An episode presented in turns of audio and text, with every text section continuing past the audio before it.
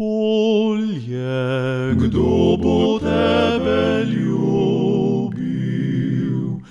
Polje, kdo bo tebe ljubil?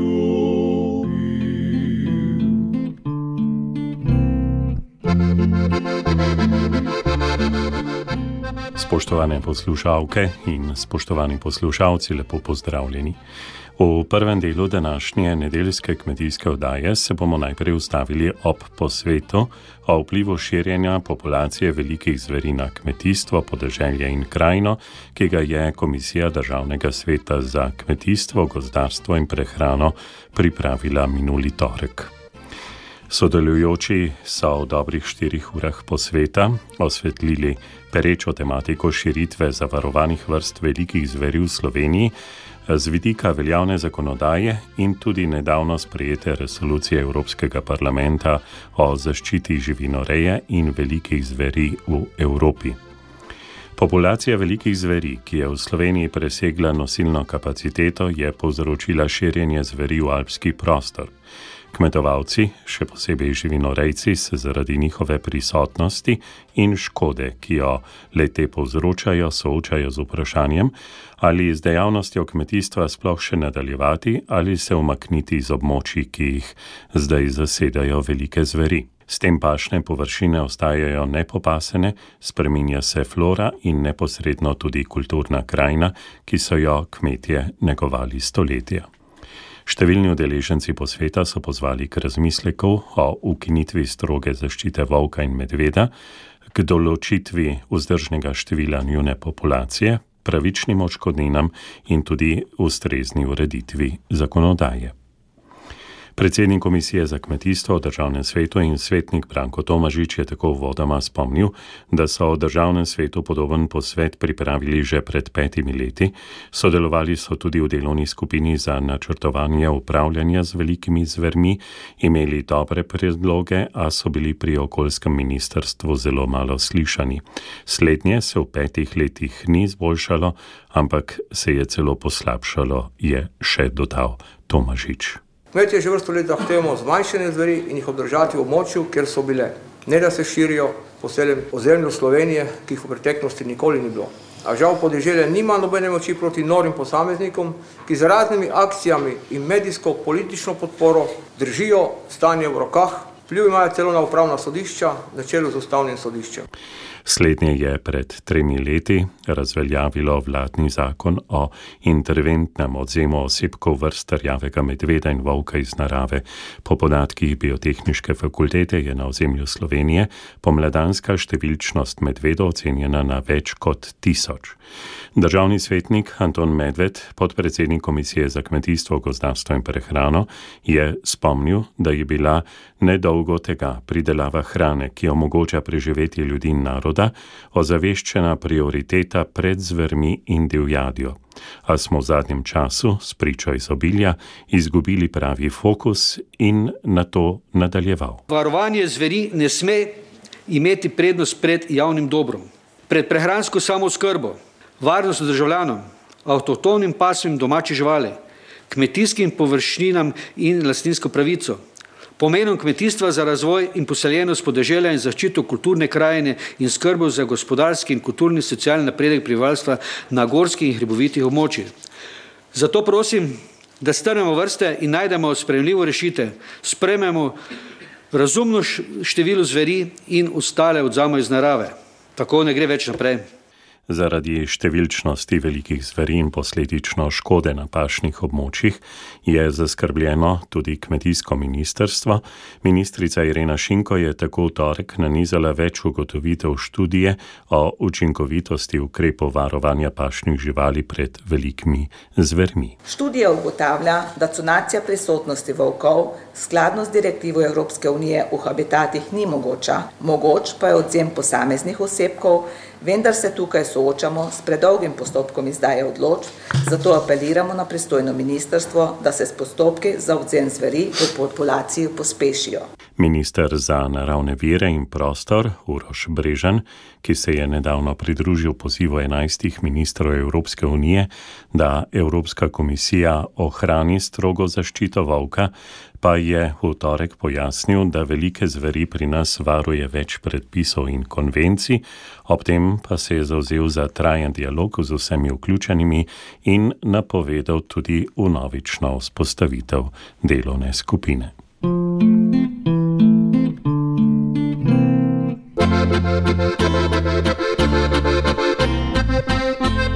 Zavedajmo se, da nas kmetijstvo vse preživlja.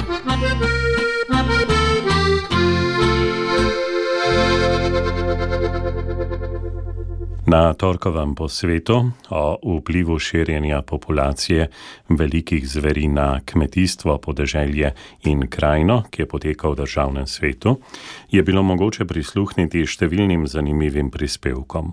Uvod v strokovno razpravo je imel Miha Marenče, Zavoda za gozdove Slovenije, s prispevkom Stanje in upravljanje populacije rjavega medveda in volka v Sloveniji.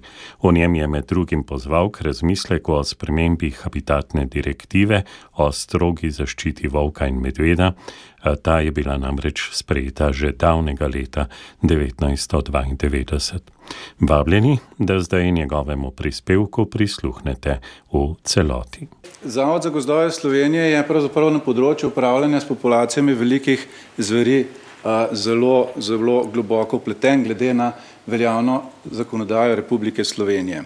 Tako pripravljamo strokovna mnenja za poseganje v populacijo velikih zveri z odstrelom, pomagamo škodovancem pri varovanju njihovega premoženja, ocenjujemo škode, ki jih povzročajo zavarovane vrste na človekovem premoženju, izvajamo oziroma sodelujemo pri monitoringu, torej spremljanju populacij, izvajamo ali sodelujemo v slovenskih in mednarodnih projektih z tega področja, ki ga danes obravnavamo. Poleg tega pa sodelujemo še pri pripravi predpisov, smo člani različnih deležniških skupin in se tudi mednarodno udejstvujemo, kar je seveda predvsem pomembno iz vidika izmenjav izkušenj. Če gremo na konkretne predloge, torej glede na naše dolgoletno sodelovanje na tem področju, seveda smo prišli do določenih izkušenj, zato jih lahko danes strnemo, strnemo v nekaj točk, ne zato, da bi kritizirali, ampak zato, da bodoče upravljanje izboljšamo. Torej, na prvo mesto prav zagotovo postavljamo dialog vseh deležnikov v smislu iskanja skupnih rešitev. Ne, danes v družbi je pač opaziti, da se določeni deležniki nagibajo oziroma zagovarjajo strogo varstvo, na drugi strani pa imamo seveda deležnike, ki nosijo neposredne posledice prisotnosti eh, velikih zveri. In ta druga stran lahko pazimo, da je strpna ali strpnejša, predvsem zato, ker je v, v smislu sobivanja nam omogočila, da imamo danes vse tri predstavnike velikih zveri tudi ohranjene. Torej, dialog je nekaj, kar, s katerim moramo nadaljevati in prav vesel sem, ko sem slišal ministra, da pravzaprav bomo ponovno ustanovili delovno telo, kjer bomo lahko pod okrilje resornega ministra pač ta dialog nadaljevali oziroma okrepili. Zdaj, um, stopne zakonodajnega varovanja populacije rjavega medveda in volka, mi vsi vemo, da jih tako imenovana habitatna direktiva uvršča med strogo zavarovane vrste, zaradi tega je tudi upravljanje za tema dvema populacijama na nek način, če temu tako rečemo, omejeno. Vendar pa, ta habitatna direktiva je bila sprejeta leta 1992. Od takrat pa do danes se je stanje na področju, katerega obravnavamo, bistveno spremenilo.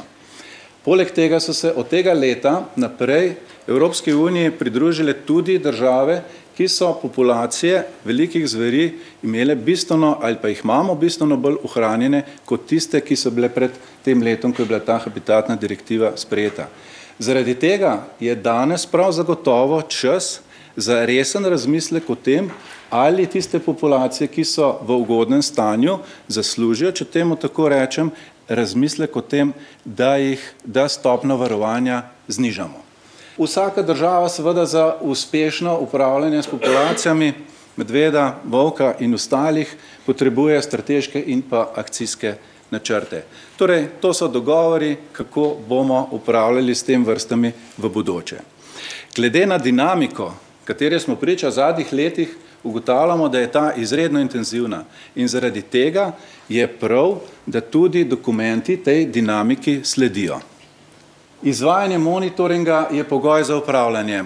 Torej, pogoj za to, ker po, moramo poznati stanje populacije, s katero upravljamo, katerih koli prosto živečih vrst, seveda za velike zveri pa še posebej. Torej, da poznamo številčnost, da poznamo strukturo, da poznamo prostorsko razširjenost in njihove a, dinamike. In ne nazadnje tudi zato, da potem lahko v nadaljevanju načrtujemo, um, bi rekel, posledice tako ukrepanja, kot tudi, kot tudi uh, finančne.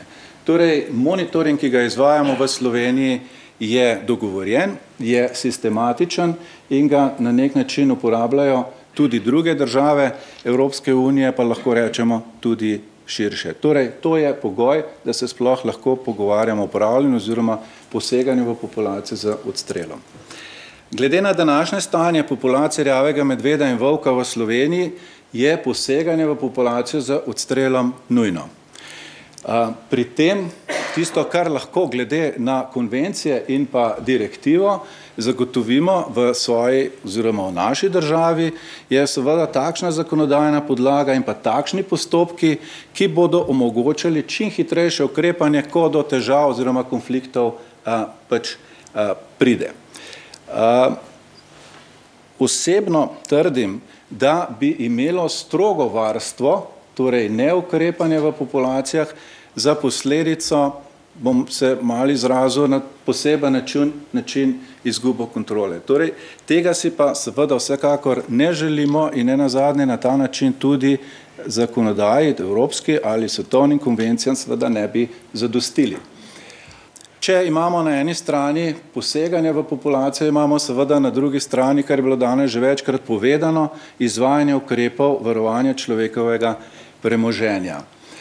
Zavedati se moramo, da seveda samo izvajanje ene ali druge, drugih sklopov ukrepov naših težav oziroma naših problemov ne bo rešilo. Zato moramo kot družba in kot država potencijalnim oškodovancem, torej tisti, ki živijo na območju pojavljanja velikih zveri, nuditi strokovno pomoč po eni strani in pa seveda celotno in celovito finančno um, podporo za, za izvajanje samih ukrepov varovanja premoženja. Očkodninski sistem je v Republiki Sloveniji oblikovan. V okviru Zavoda za gozdove deluje 91 sodelavk in sodelavcev kot pooblaščencov, torej, če se malo bolj slikovito izrazim, tistih, ki so na prvi bojni liniji in tistih, ki se v prvi bi rekel, kot prvi srečajo na nek način z jezo, žalostjo in veliko krat tudi občutkom nemoči oškodovancev. Tukaj se moramo kot družba in kot Republika Slovenija seveda zauzemati predvsem za to, da se škoda, ko pride do nje, ne mudoma oziroma čim, na čim hitrejšem času povrne. Trenutni sistem deluje tudi na način, da se povrne samo za tisto, predvsem velja to za rejne živali, za tisto škodo, ki je dokazljiva. Vemo pa, da je nastane tudi škoda tistih živali, ki pobegnejo in se jih potem ne najde. In mogoče bi mogli v bodoče spregovoriti še o nečem, namreč skozi se pogovarjamo o materialni škodi, na drugi strani nastane tudi nematerialna škoda. Seveda je to težko dokazati, težko je izmeriti, ampak prav zagotovo ta škoda nastane tako na rejnih živalih, kot tudi njihovih lastnikih. V preteklosti je Republika Slovenija imela organizirano skupino, ki je ukrepala v primeru težav z velikimi zvermi. Izkazalo se je kot pozitivni ukrep, kot nekaj, kar so ljudje sprejeli in pa tudi, bi rekel, z um, klicanjem, takrat, ko, te, ko, ko so bili v težavah, se je to pokazalo kot pozitivno. Torej, na tem mestu predlagamo pač razmislek v smeri ponovne vzpostavitve ali pa ponovnega delovanja to vrstne skupine. Upravljanje populacije velikih zveri stane, drago je. Kot članica Evropske unije imamo pravzaprav na razpolago dva finančna mehanizma. Naš proračun in proračun a, Evropske unije. Torej, do sedaj se je največ sredstev iz Evropske unije počrpalo v okviru tako imenovanega finančnega inštrumenta uh, LIFE. Na tem področju je bila Slovenija zelo uspešna, saj smo tudi s pomočjo svojih sodelavk in sodelavcev vodili ali sodelovali preko 15 projektih um, z, z našega področja, torej tako slovenskih, kot tudi seveda uh, mednarodnih, ki v zadnjem času uh, prevladujejo. Danes je večkrat slišati, da pravzaprav se je s začetkom projektnega dela pričelo, so se pričele tudi težave z velikimi zvrmi. Um, na Zavodu za gozdove se seveda, ki smo globoko vpleteni v to delo, ne strinjamo. Težave bi bile s projekti ali brez. Ne pozabimo, da so projekti tisti, ki so bili prvi in so vzpostavljali tako monitoringe, ki so pogoj, kot smo videli, za upravljanje, um, iskali različne ukrepe, pokazali primere dobrih praks, pripravljali osnutke strateških dokumentov in zato smo mnenja, da je treba s to vrstnim delom nadaljevati. Eh, kot sem že povedal, ne želim, da to izpade zgolj kot kritika, želim, da je to kot prispevek k uspešnejšemu upravljanju rjavega medveda in volka in ne nazadnje ne smemo pozabiti, da je bilo do danes že veliko narejenega. Tako torej Miha Marenče, Zavoda za gozdove Slovenije, s svojim nastopom na torkovem posvetu državnem svetu o vplivu širjenja populacije velikih zveri na kmetijstvo, podeželje in krajino. Povzetke nekaterih drugih nastopov bomo objavili v prihodnih kmetijskih oddajah, več o posvetu, pa tudi celoten video posnetek eh, povedanega pa si lahko ogledate, slišite, preberete in vidite na naši spletni strani radio.ognisce.si.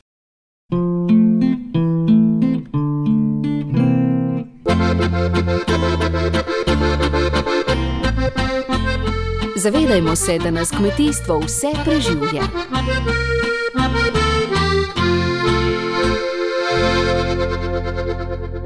Naš gost v nadaljevanju nedeljske kmetijske oddaje je magistr Jože Mohar iz seminarske hiše Agrosat. Gospod Jože, lepo pozdravljeni. Dobar dan in lepo nedeljo vsem poslušalcem in poslušalkam Radio Ognišče. Včeraj in danes smo bili deležni nekaj kapelj dežja. Eh, dolgoročne vremenske napovedi eh, pa kažejo na suho in kar mrzlo vreme. Nočne temperature naj bi se tako nekje do srede marca gibale okrog ničle, čez dan pa nekaj stopinj nad ničlo. Eh, pa me zanima vaš komentar, kaj to pravzaprav pomeni za ozimine. Je to lahko že štart ali bodo še počakale, če bodo res temperature pod ničlo čez noč?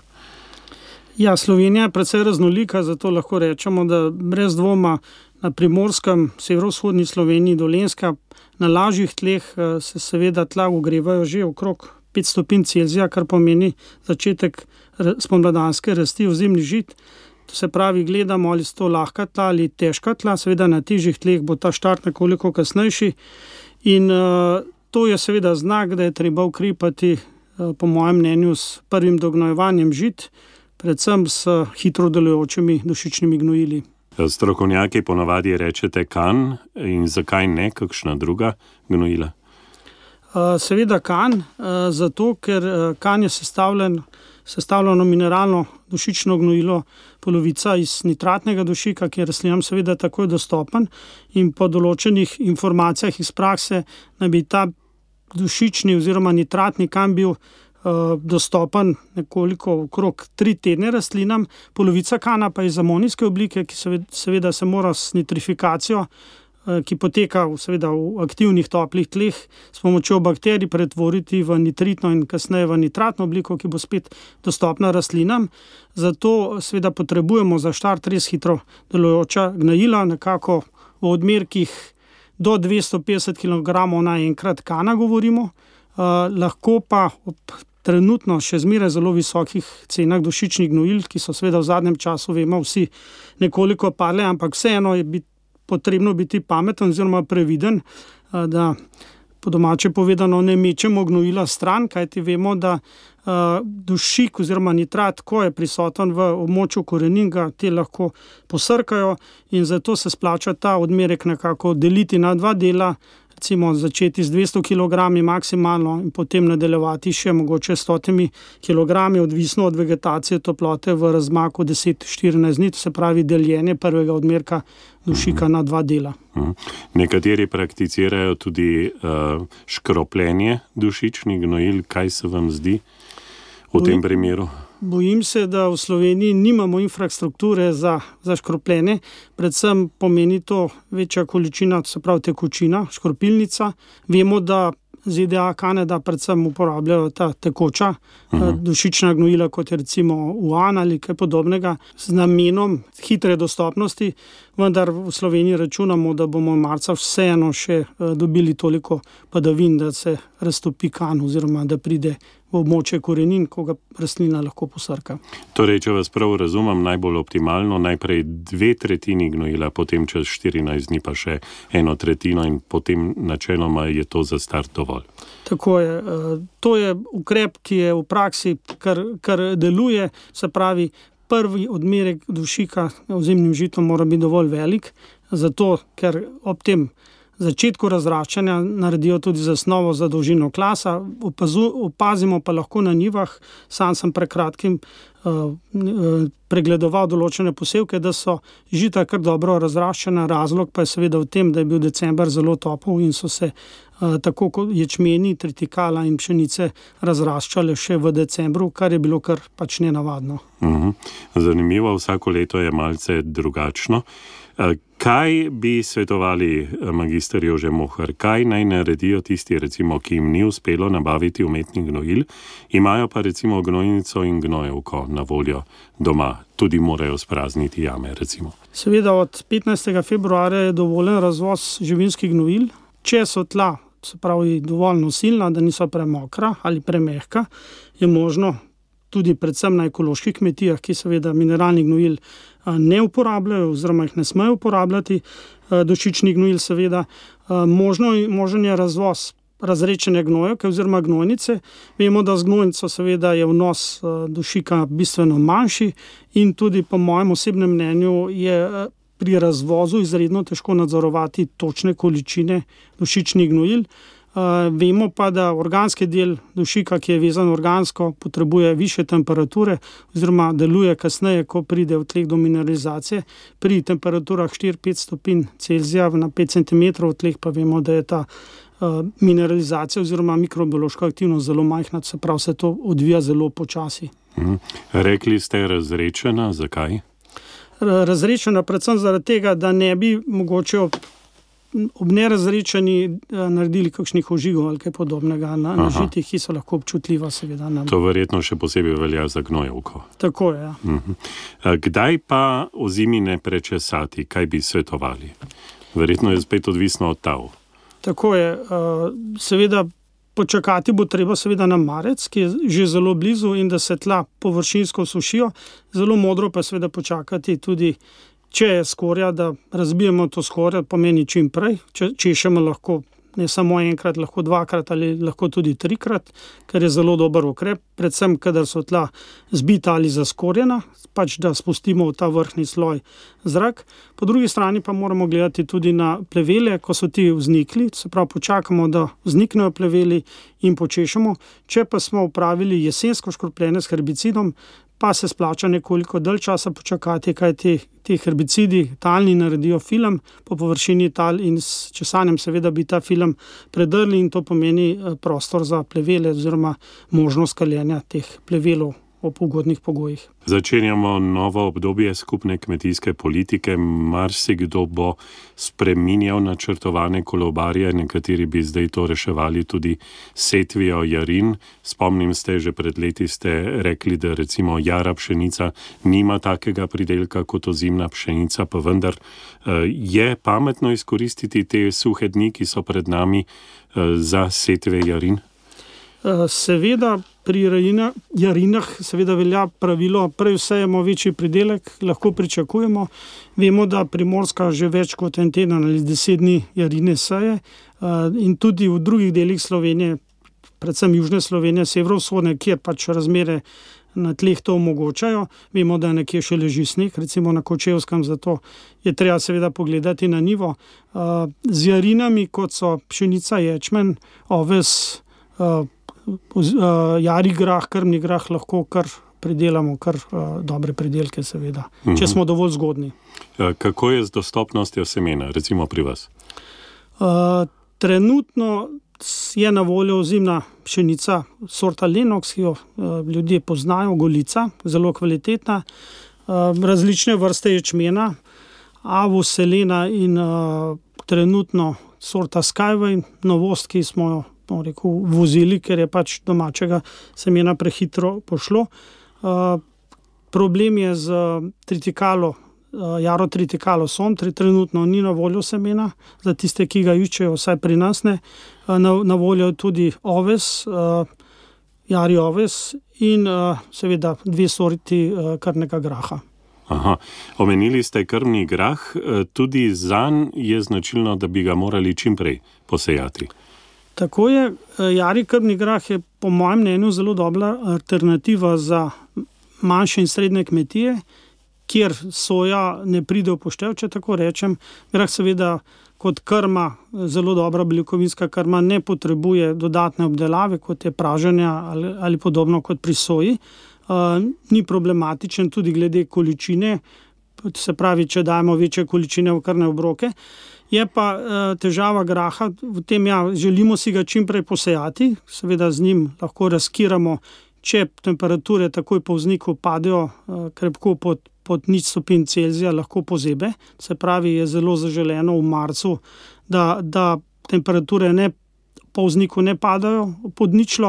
Uh, in še njegovo dozorevanje, lahko problem. Mi, recimo v Agrosatu imamo ponudbi dve sorte, ena je karakter, ki je zgodnejša, praviloma imamo rajši zgodnejše sorte, ker se bojimo suš pred žetvijo, se pravi prisilnega dozorevanja. Vemo, da grahe ponovadi žanemo približno kot zgodnejše ječmene.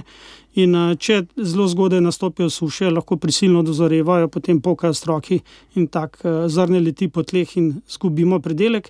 Po drugi strani imamo pa tudi kasnejšo sorto Tiberius, ki je seveda za boljša tla, ne za lahka tla, ki pa potrebuje seveda boljšo skrbo z vlago in ima po drugi strani tudi večji potencial za predelek samega zrnja. Eh, presenetilo me je, ko sem gledal vaš katalog, da so recimo lani bile vsebnosti vlage pri žetvi krvnega graha zelo nizke, tam okrog 14, celo, nekateri celo manj, torej skoraj ni bilo potrebno sušenje. Verjetno je to tudi spet en tak podatek, ki gre v dobrobit pridelavi. Tako je pri grahu, se praktično če nam uspe, se pravi, odvisno od sezone, eh, je lahko dovolj suh, da ga ni potrebno dosuševati, kar ne pomeni, seveda, dodatnih stroškov za pridelovalca.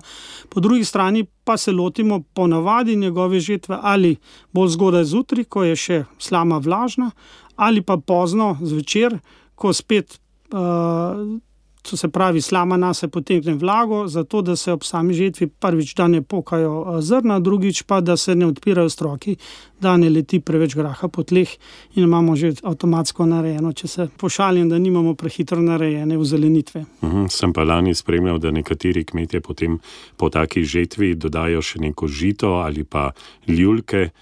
To zabranajo in potem jeseni še enkrat pokosijo in imajo za silažo. Tako je. V v grahovo strnišče je zelo modro posajati, recimo mnogo cvetno ljulko.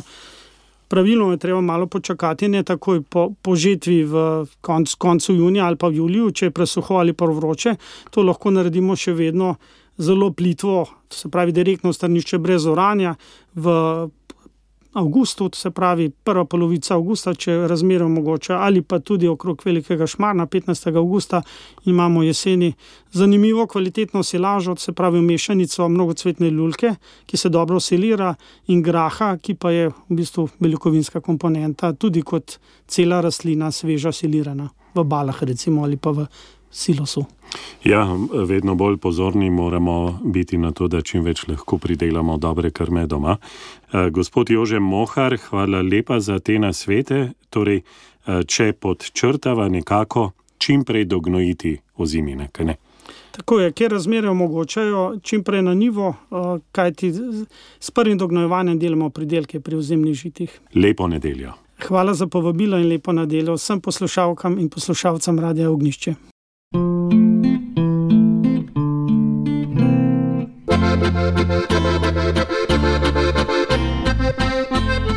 Na radiju Ognišče poslušate kmetijsko oddajo.